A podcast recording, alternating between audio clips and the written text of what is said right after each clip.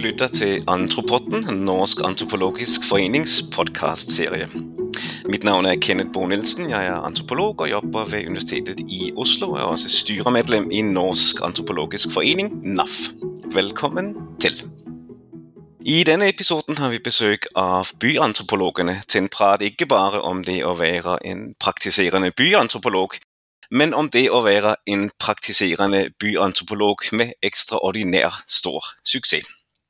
Hvis man ønsker bevis for den påstanden, ja, da er det bare å gå til byantropologenes hjemmeside, hvor man finner en lang, lang liste over de prosjektene som byantropologene har vært med på og er med på for tiden.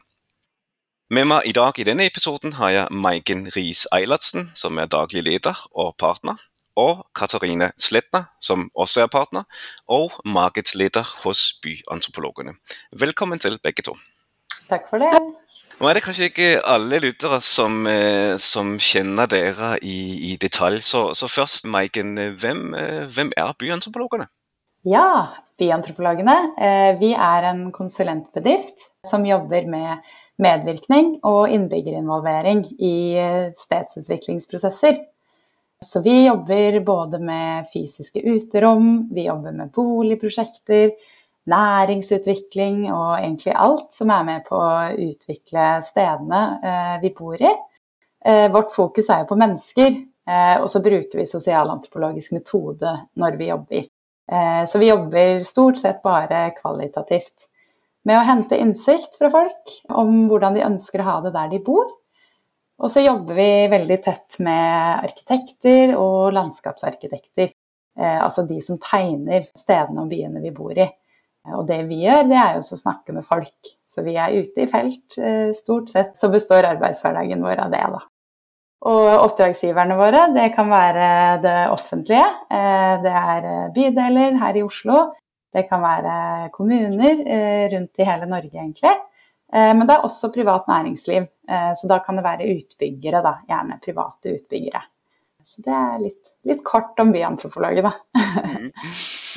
Vi skal, vi skal, vende tilbake til, til mye av det dere driver med etter hvert. Både det med oppdragsgivere og det med å jobbe tverrfaglig og bruke antropologiske metoder som en del av ens arbeidshverdagen. arbeidshverdag. Ja, jeg har jo vært så heldig, jeg har jo kjent til dere en, en god stund nå. og Jeg husker at eh, da vi, da vi snakket sammen for noen år siden, så, så snakket du, Maiken, om, om, alle de tingene man må, man må, lære seg når man vil begynne med, med egen virksomhet etter endt studietid. Altså, man kommer jo ut fra universitetet med alle disse antropologiske verktøyene, både metode, antropologisk analysemåte også. Men likevel så er det jo ganske mye annen kunnskap som, som kreves for å starte opp uh, på, egen, på, egen, hånd. da. Hvordan, hvordan, kommer man i gang med noe slik som byantropologene? Kort fortalt så er det vel engasjement da, og et ønske om å endre noe. Det var nok sånn vi kom sammen, vi i Byantropologene. Vi var jo eh, fire som startet Byantropologene sammen, og tre av oss hadde jobbet allerede som enkeltmannsforetak på hver vår kant. Og hadde det litt, litt forskjellige innfallsvinkler, men eh, til felles for oss tre så var det jo at vi ønsket å jobbe med eh, Først og fremst vi ønsket å jobbe som antropologer i eh, næringsliv. og hvordan gjør man det, var liksom utgangspunktet. Um, og så var vi også alle tre, hadde på hver vår kant skjønt at eh, det hadde noe for seg, det her med stedsutvikling og antropologi. Så da fant vi egentlig fram til hverandre gjennom det. Vi kjente jo ikke hverandre fra før av, men vi fikk snusen i at det var noen andre som snuste på det samme som oss eh, ute i Oslo. Og så møttes vi da over en kaffe eh, og tenkte at her må vi jo snakke sammen. Og det var jo Det sa litt sånn pang idet vi satte oss ned og snakket sammen. Og det var jo for det første fantastisk å få et fellesskap. Eh, for da hadde jo vi holdt på litt sånn for oss selv eh, her og der og prøvd oss fram. Ehm, så det var jo helt eh, nydelig å, kjenne på at vi er faktisk flere som har det samme ønsket og målet. Og så tok det litt tid før vi skjønte at det vi skulle var å starte bedrift. det startet jo med at vi ville ha et fellesskap.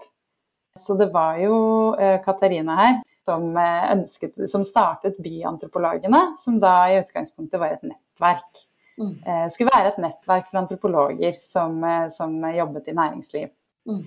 Ja, nei, det var jo rett og slett det, den første kaffen eh, mellom meg og Katja, tror jeg. Som da hadde jeg så vidt startet opp med ett prosjekt på egen hånd og blitt litt inspirert av Katja, som jeg hadde sett på Instagram at hun hadde drevet litt lenger enn meg da, innen forskjellige prosjekter som selvstendig næringsdrivende. Så vi vi satte oss ned rett og slett og tok en kaffe og snakket om erfaringene. Og så kom det jo veldig fort fram at liksom åh, så godt det hadde vært å kunne spare med noen og eh, være flere og ha ja, et, et, forum å ventilere, men også utveksle erfaringer og, og kanskje ta med hver, hverandre. Da. Så det er, jo, det er på en måte det ja, som Maiken sier, det er jo det vi er nærmest grunnlagt på. Det, det ønsket om å på en måte jobbe med antropologien innenfor noe som eh, kanskje i utgangspunktet ikke er så eh, et felt som ikke er så vanlig å bruke antropologien inn. Da. Eh, så vi måtte på en måte stå litt sterkere sammen. Eh, så det er jo grunnlaget. Og så kan jo sikkert også Maiken fortelle mye om eh, selve driften og det å stable en virksomhet på beina, når vi skjønte at vi var nødt til å gå i den retningen, og hadde også veldig lyst til å bli, eh, bli mer formalisert da, og tok skrittet til å bli et AS. Eh, det var jo veldig mange ting som på en måte er helt uantropologisk sånn sett eh, og uakademisk når det kommer til å etablere virksomhet. Men, eh, men, ting som man må lære seg mens man går. Så det tenker jeg også er en sånn gjennomgående faktor. Det der med at liksom Det har jeg ikke gjort før, så det får jeg helt sikkert til. Det tror jeg liksom er Det er noe man må ja, trumfe gjennom og bare kjøre på, og så teste, da. Eh, og selvfølgelig er man jo avhengig av å ha eh, tillit mellom de som står sammen om det. At vi liksom er enige om hvilken retning vi tar. Så vi har jo hatt mange runder i etableringsfasen med liksom hva skal dette her være for slags virksomhet? Og hvem er vi som individer og fellesskap, og liksom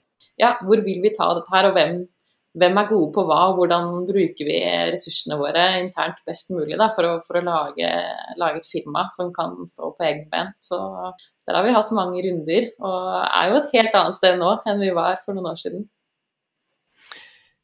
Maiken, eh, kunne du kanskje si enda litt mer om, om den prosessen? Ja, jeg skjønner eh, altså Den utfordrende fasen er jo kanskje også dette med å, å, finne hverandre når man studerer sammen på universitetet. er man jo en del av et eh, kull med, med hundrevis av antropologer som, som, ser hverandre dag ut og dag inn, og plutselig er det slutt med studietiden, og så, så sitter man der alene som, som, antropolog. Så Dels dette med å, å finne hverandre i etterkant, men også det som, som Katarina Katrine nevnte nå. altså Hvordan går man fra det å komme sammen som en gruppe antropologer til faktisk å etablere noe som da blir et, AS og en, en, en bedrift av en eh, betraktelig størrelse etter hvert? da? Mm.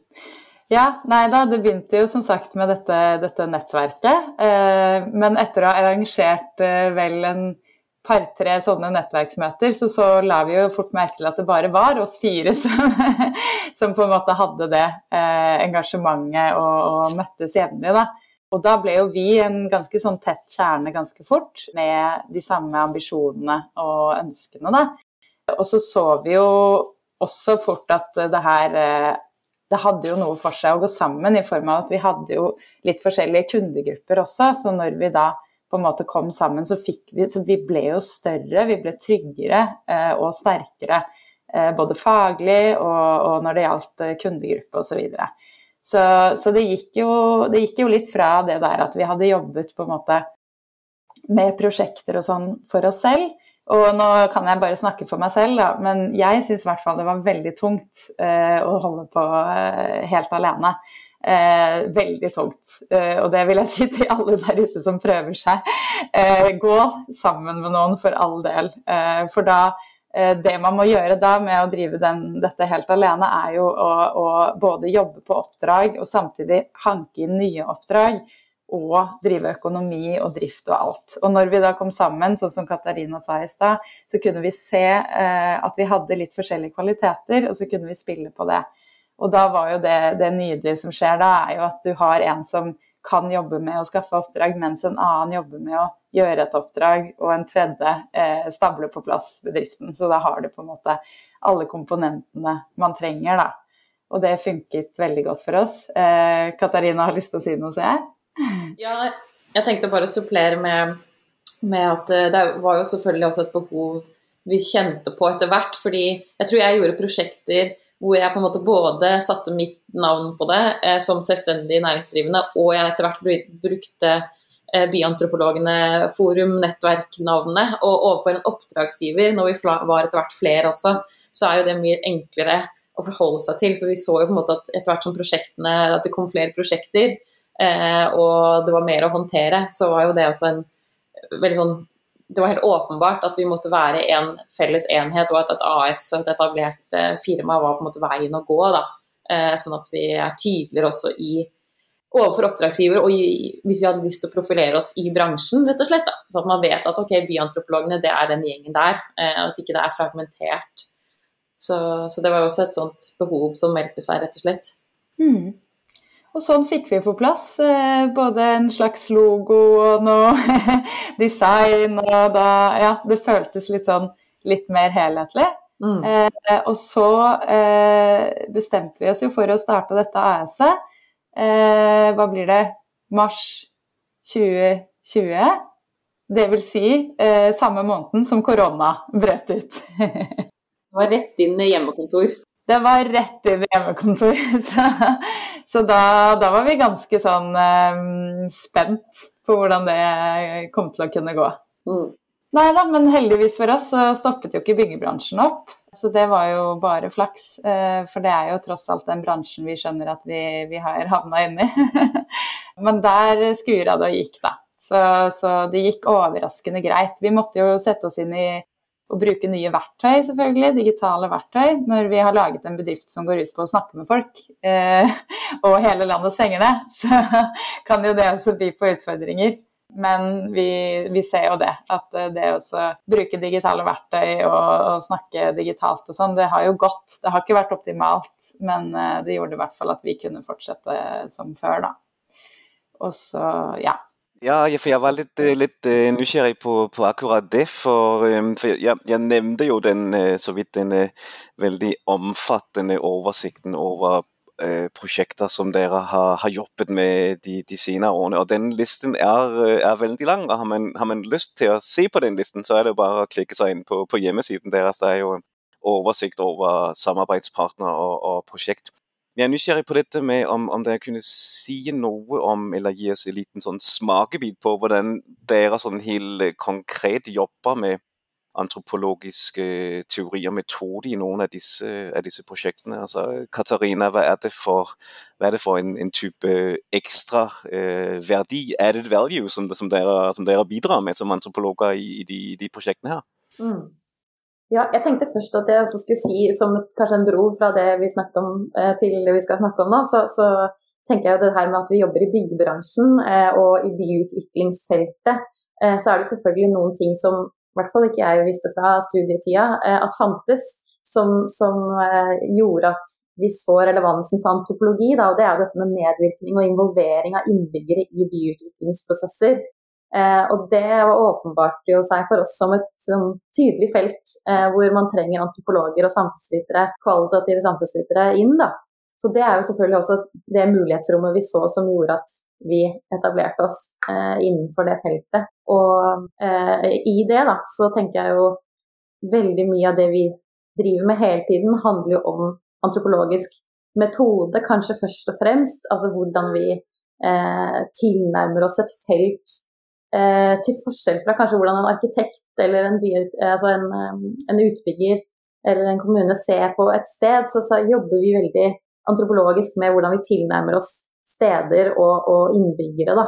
Eh, så sånn generelt og, og litt overordna så er det jo den antropologiske metoden vi tar med oss uansett hva vi gjør, eh, og selvfølgelig da eh, analyserer innsamlede data på, på veldig antropologisk vis. da. Ja, Katarina, kanskje du kunne, kunne gi oss et uh, helt konkret eksempel fra, fra, prosjektet du selv har vært, uh, vært, med på her? Ja, det kan jeg gjerne. Jeg har et prosjekt som nylig er avsluttet, i hvert fall enn så lenge, som jeg er ganske stolt av, uh, og som jeg syns er et ganske godt eksempel på hvordan vi som antropologer ser litt andre ting enn arkitekter. Vi har et, hatt et prosjekt gående lenge nå med utviklingen av en, en park oppe på Mortensrud i Oslo Og der har vi jobbet tett og tverrfaglig med arkitekter og faktisk en lysdesigner på hvordan denne parken her skal se ut. Og vår rolle da har jo vært å rett og slett involvere så mange Altså involvere ulike stemmer i nærmiljøet eh, for å få de til å kunne påvirke hvordan denne her parken skal se ut, og hvordan det kan bli en møteplass som kanskje, eh, litt ambisiøst, eh, bidrar til noe mer enn å bare være en park i nærmiljøet, men kanskje kan også påvirke det sosiale livet og hvordan folk møter hverandre der oppe. Så Et godt eksempel på hvordan vi har jobbet der, er at vi har faktisk vi fant fram til en stein i dette her området, eh, som skal bli en park. Som barna i området har lekt mye på opp gjennom eh, alle år, og kaller for skilpadda. Og det, den knausen her, da, som for en landskapsarkitekt kalles for berg i dagen, som ganske sånn tørt, den, den framsto etter hvert som ganske sånn viktig da, for barn og unge i, i området. Som har gjort at vi har tatt tatt skilpaddekonseptet med oss videre i utviklingen av parken og videreformidlet dette til arkitekter. Eh, og vi har også gjort en avstemning på hva denne parken skal hete, så den skal etter hvert da bli hetende Skilpaddeparken. Så det, det er sånn der, eksempel på at vi på en måte zoomer ofte inn og ser på det der med identitetsmarkører og hva, hva som har betydning for folk. da. Og har også fått da veldig hyggelig og fin respons tilbake på det som nå blitt annonsert for, for, som Skilpaddeparken eh, fra nærmiljøet at oi, skal den hete det, så gøy, ja det husker jeg, der lekte jeg, og sant, at man får den der tilhørigheten. Ja. Ja, Maiken, jeg hadde jo, hadde jo, lyst til å stille nesten akkurat det eh, samme spørsmål til, til deg også. fordi dette med disse, disse konkrete eksemplene er jo det er jo der vi begynner å skjønne hvordan antropologien kan, kan bidra helt konkret utenfor, utenfor uh, de akademiske murene. Der. Maiken, øh, du, har du noe å, by på sånn, med, med, egne eksempler fra, fra, fra tilsvarende, tilsvarende, prosjekt som du har vært med på øh, den siste tiden her? Ja, jeg har noe å by på, jeg. Um, ja, jeg har jo et av mine kanskje litt sånn hjertebaneprosjekter, da. Uh, det var uh, på Jordal fritidsklubb i bydel Gamle Oslo. Um, og det, eh, det, var et eh, oppussingsprosjekt. Eh, da gikk vi sammen med noen interiørarkitekter og skulle pusse opp hele klubben. Det var utgangspunktet. Så det første vi gjorde da, var jo å dra på god gammeldags feltarbeid med deltakende observasjon som hovedmetode. Så det begynte med at jeg bare dro til den klubben og hang der med ungdommene på forskjellige tidspunkt. Forskjellige dager i uka og litt sånn. Um, og da ble jeg kjent med ungdommene, jeg ble kjent med de som jobbet der. Uh, og så så jeg bevegelsesmønstre, så jeg så jo etter hva er det uh, som funker bra i dag, hva er det ungdommene faktisk bruker, uh, som vi kanskje da skal beholde når vi pusser opp denne klubben. og hva er det som ikke kanskje blir brukt i det hele tatt. Og så for å liksom se, se på hvordan det brukes, og selvfølgelig snakke med de som er der og bruker den hver dag, og høre hva de har å si. Og det var veldig eh, fint å få gjort det, for da fikk også både ungdommene og de voksne mer sånn trygghet på meg, og ble vant til at jeg var der. Litt sånn klassisk eh, antropologisk metode. Eh, og så begynte vi etter hvert å ha verksteder sammen med ungdommene og sammen med de ansatte. Og da var det interiørarkitektene også som var med. Og da ble bestemte altså ungdommene og de ansatte hvordan hele klubben skulle se ut. Fra farge på gardinene til hvor rommene skulle stå Eh, vi hadde med modeller av klubben, jeg tror det var ti forskjellige modeller med sånn eh, papp, eh, papp og, og, sånn. Hvor de fikk flytte på vegger og liksom forklare og vise akkurat hva de hadde lyst på. Da. Og da oppstår det jo, sånn som det ofte gjør i våre prosjekter, så oppstår det jo noen interessekonflikter. Det oppstår ofte ganske mange interessekonflikter. Her var det veldig tydelig mellom ungdommene og de ansatte, da. Eh, så det var veldig tydelige tendenser til at de ansatte ønsket mer trygghet og oversikt, mens ungdommene ønsket mer privatliv og eh, altså å, å, skjule seg mer, da. Og da ble jo dette på en måte to eh, forskjellige konflikter. Eh, og vi hadde brukt ganske lang tid på å prøve å finne ut av hvordan kan vi finne en løsning for denne klubben hvor ungdommene ikke føler at de har øyne i nakken, på en måte. For det var veldig viktig for dem. De ville gjemme seg bort men samtidig at de ansatte eh, fikk den oversikten de trengte. Og det, det, vi gjorde da, det var jo også at vi eh, hadde en dag hvor vi fjernet alle møblene fra hele ungdomsklubben. Eh, og så satte vi opp noen sånne fiktive vegger og liksom laget klubben eh, veldig sånn lett, sånn cirka sånn som eh, ungdommene og de voksne hadde sagt at de ønsket seg. Eh, og det vi så da veldig raskt, det var jo noen tendenser til at ungdommene de så disse krikene og krokene som vi hadde lagd, og og så gikk de liksom inn i de hjørnene og krikene og krokene. Og, og, det var veldig spennende, for da ser vi også litt hvordan mennesker oppfører seg i rom. Og hvordan den stedligheten ikke sant? Og jeg tror alle kan kjenne seg igjen i å ha vært ungdom selv og, og synes at det er ubehagelig med eh, litt sånne store rom, og at alle glor på deg, og du har kanskje litt behov for å gjemme deg bort. Eh, og det er ofte ganske misforstått. Jeg har vært på mange ungdomsklubber, og ofte er det veldig store, åpne rom. Eh, og det er ikke nødvendigvis det de ønsker seg, da. Så her fikk vi jo testet det ut, og de ville, de ville ikke ha åpne, store rom. Så vi fant i hvert fall et kompromiss til slutt, eh, og det var at vi lagde faktisk et eget, en eget lukket rom til ungdommene, men med et lite vindu ganske høyt oppe. Sånn at de ansatte kunne gå forbi og se hvem som var der inne, og at det gikk greit der inne. Og så kunne jentene, da, for det var særlig jentene som ønsket dette, for de ville ha et litt sånn frirom Eh, hvor de kunne se på musikkvideoer og danse og synge høyt uten å føle at eh, f.eks. guttene så på de da. Eh, så da dette rommet gikk det da an å booke, sånn at de kunne ha det når de ville. Så det var en veldig fin løsning, og vi kom jo tilbake også et halvt år etterpå for å evaluere og spørre hvordan det gikk. Og da gjorde jeg igjen deltakende observasjon for å se. Og det var jo veldig gledelig besøk, da. Da kunne jo også de voksne eh, som jobbet der, rapportere om at eh, det hadde blitt mye roligere på klubben. Eh, det var mange flere jenter som kom nå enn det hadde vært før. Det var til og med gutter og jenter hang sammen på klubben. Det hadde de heller ikke gjort før. Og ikke minst det at støynivået hadde gått ned. Så det var rett og slett blitt et mye bedre sted. En mye bedre arbeidsplass for de voksne og, og roligere for ungdommene. Eh, så det var litt sånn solskinnshistorie, men det var jo også ting som ikke funka. Men da fikk vi liksom eh, ja, fiksa på noen møbler og sånn da, som eh, hadde blitt ødelagt. Men alt i alt så var det ja, en veldig fin, fin fint prosjekt som, hvor vi fikk sett veldig sånn tydelig hvordan antropologisk metode ble brukt og, og faktisk fungerte veldig godt da, for å forstå mennesker i det stedet de, de oppholder seg. Mm. Mm. dette var utrolig interessant, altså. Ja, jeg lurte litt på dette med, med tverrfagligheten. For når, dere snakker om de prosjektene dere har vært med på, så, så hører jeg jo at her er det også arkitekter, det er oppdragsgivere, det er uh, samarbeidspartnere med, med, veldig uh, forskjellig bakgrunn fra, fra, den, fra den dere har. det byplanleggere. Det er jo ganske interessant, iallfall også fra hvor, hvor, hvor, jeg sitter. fordi noe av det vi, vi, vet fra ulike studentundersøkelser og, statistikk vi har, er at uh, antropologistudenter ofte har ganske vanskelig for å kommunisere til andre hva det er en antropolog faktisk kan. Altså Hva er det antropologer bidrar med i slike, slike tverrfaglige teams eller ulike samarbeidsprosjekter? Er, er, dette noe som, som, dere har kjent på selv? Hvordan har dere håndtert dette med å være antropolog i en, en tverrfaglig kontekst, hvor det kanskje er mange folk rundt inn som ikke har så veldig mye mm, innsikt i hva en antropolog bidrar med i slike, slike prosjekt? Ja, oi, her er, her er det mye å si.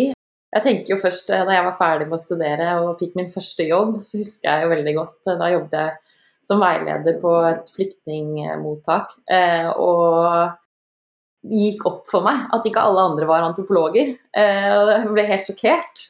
Så den, den følelsen har jeg absolutt hatt. Eh, og så tror jeg jo med byantropologen at vi har på en måte lært oss sammen også å se og også formidle verdien av vårt fag og hva vi har å komme med. da, Og være på en måte ja, likeverdige eh, med andre fagfelt i byutvikling.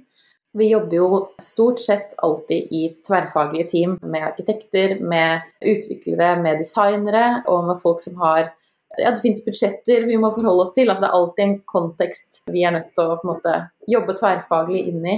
Eh, men så tror jeg dette med sosial bærekraft i byutvikling og bærekraft i byutvikling gjør jo også at oss som antropologer og vår metode står veldig sterkt, fordi nå ønsker man å oppnå sosial bærekraft. Mye, mye, man er mye mer bevisst på det.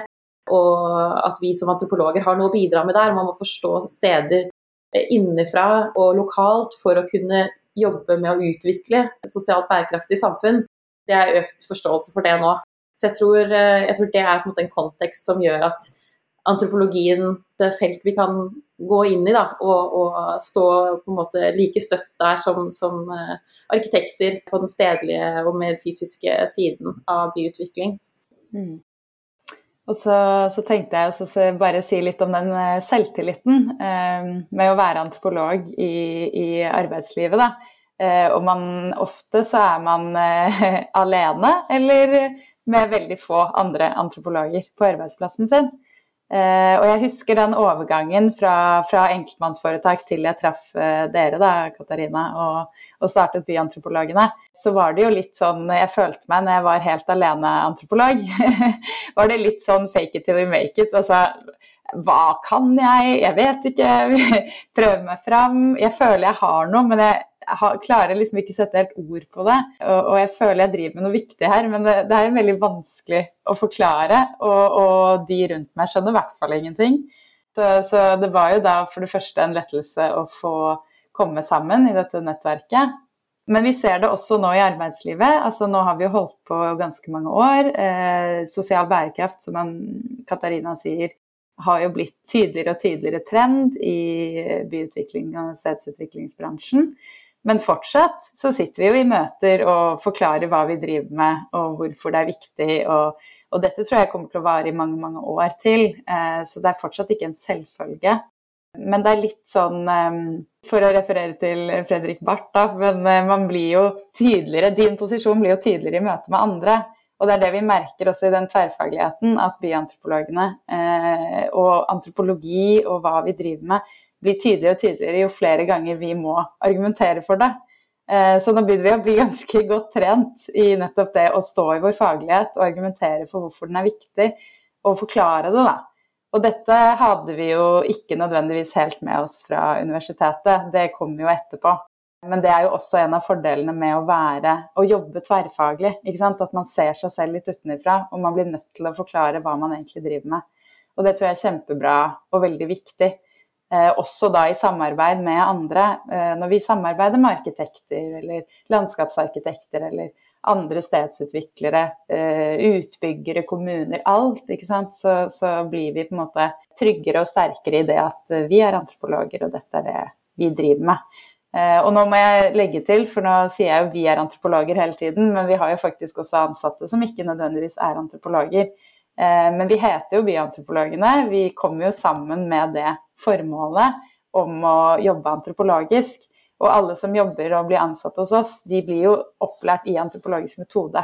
Så vi bruker jo antropologiske metode og analyseverktøy i alt vi gjør. Uh, uavhengig av om de ansatte er, har en antropologisk bakgrunn eller ikke. Og, så har vi jo teori også som vi tar med inn uh, i noen prosjekter, som er litt av den større forskningsprosjektstørrelsen. da. Men mye av det vi gjør, det er litt sånn, sånn som vi, eksemplene vi fortalte om nå, som er mer sånn eh, eh, hva skal jeg si, håndfaste, eller eh, du skal faktisk bygge noe eller endre noe, eller sånne ting. Og da bruker vi antropologisk metode og analyseverktøy. Mm. Ja, og som et supplement til det Maiken sier, så tenker jeg dette med å jobbe tverrfaglig, det handler også veldig mye om å kjenne de andre fagfeltene. altså Være åpen og bli kjent. Eh, jeg tror på en måte jo mer jeg lærer om hva en arkitekt trenger å forholde seg til i hverdagen og jobbe med, og liksom problemstillinger, jo, jo, bedre kan jeg også være antropolog. Så det, det, er jo på en måte et antropologisk arbeid i bare det, å jobbe tverrfaglig og på en måte forstå hverandre og forme seg litt etter hverandre, men samtidig på en måte stå støtt. Eh, og da vil jeg altså gi tips til, eh, til, studenter og nyutdannede som skal inn og jobbe tverrfaglig, så vil jeg jo eh, Dette med å vise eksempler på antropologi, eh, antropologisk forskning, om det er egen, er, egne erfaringer, egen empiri fra feltarbeid, eller om det er en annen, et eksempel på eh, noe antropologi som har blitt gjort, som kan være aktuelt for det man snakker om. Det tror jeg er veldig lurt. Og vise på en måte sånn et konkret eksempel på hvordan, hva antropologi er, og hva, hva, som kommer ut av det. da. Det, det merker vi jo veldig. At med en gang jeg kan på en måte slå i bordet og vise til et prosjekt som er gjennomført, eller, eller en teori, eller noe man har lært av antropologisk metode, så, så er det lettere for andre fagfelt å forstå. Katarina Sletner og Maiken Riis Eilertsen fra Byantropologene, tusen takk for at dere var med oss eh, i denne episoden i dag. Mitt navn er Kenneth Bo-Nilsen, og dere har lyttet på Antropotten, Norsk antropologisk forenings podkastserie.